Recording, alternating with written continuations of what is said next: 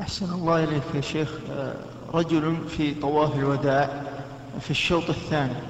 هو جماعة يعني حس أنه مثلا دعس على شيء أكرمكم الله مثلا يعني مثل البراز في المطاف. فشك. ففي الشوط الخامس آه، حصل أن الناس انزاحوا وكلهم يقولون نجاسة نجاسة فجاء عمال النظافة ونظفوا المنطقة. اللي في الطواف. وكانت يعني زحمة شديدة. فعندما انتهى من الطواف رجع توضأ وصلى الركعتين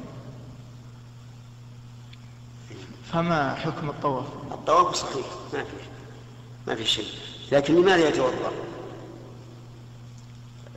لأنه شك في المسألة يعني أنه هل أحدث؟ لا ما ما النجاسة ما توجب الوضوء. النجاسة لا توجب النجاسة تغسل فقط وإذا كان الإنسان على وضوء بقي على وضوءه. نعم.